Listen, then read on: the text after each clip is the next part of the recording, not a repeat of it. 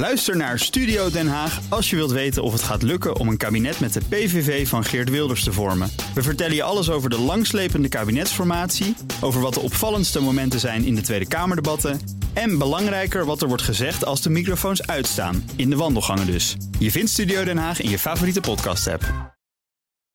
De column van Jaap Jansen. GroenLinks-leider Jesse Klaver kreeg een brok in de keel toen hij hoorde dat Rob Jetten gekozen was tot nieuwe leider van D66. Zijn maatje toen ze beide voorzitter waren van hun jongerenbeweging, Dwars en de Jonge Democraten. Partij van de Arbeidleider Lodewijk Asscher wilde per se zelf een grote bos bloemen komen afgeven aan de nieuwe fractieleider. En premier Mark Rutte nodigde de 31-jarige nieuweling subiet uit voor een nadere kennismaking in zijn torentje.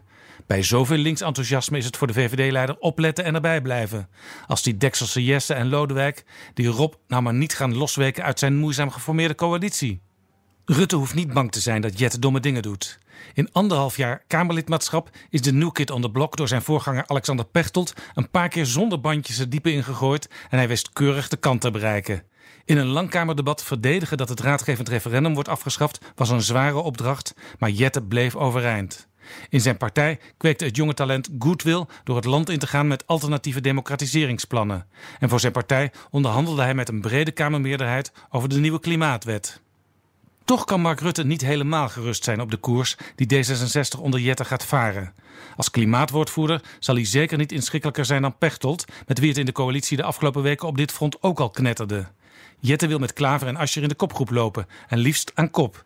Uit onderzoek van de Leidse hoogleraar politiek gedrag Job van Holstein blijkt voor D66-leden duurzaamheid en klimaat, samen met het instand houden van de rechtsstaat en het waarborgen van de vrijheid van het individu, bovenaan de lijst zeer belangrijke doelstellingen te staan. Interessant is wat Paul daarop volgt: het bieden van gelijke kansen voor alle burgers. Hé, hey, dat is een echt links onderwerp. Wat zei Jan Terlouw ook weer toen ik hem eind augustus sprak voor mijn podcast Betrouwbare Bronnen? Het moet linkser, het moet radicaler.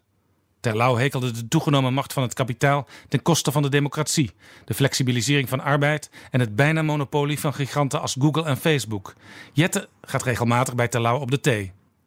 Het wetenschappelijk bureau van D66, de meester Hans van Mierlo Stichting, zet deze week radicale kansengelijkheid en het betwistbaar maken van economische machten bovenaan de agenda van de nieuwe leider. Directeur Koen Brummer van dat bureau noemt het regeerakkoord niet het eindpunt van denken. Als Rob Jetten naast klimaat en democratie radicale kansengelijkheid ook gaat benadrukken, dan positioneert het liberale D66 zich meer dan onder Pechtold weer links in het midden, de plaats die de partij ook onder Van Mierlo en Terlouw innam. En daarmee wordt D66 nog meer dan nu concurrent voor GroenLinks en Partij van de Arbeid. En een risico voor Rutte.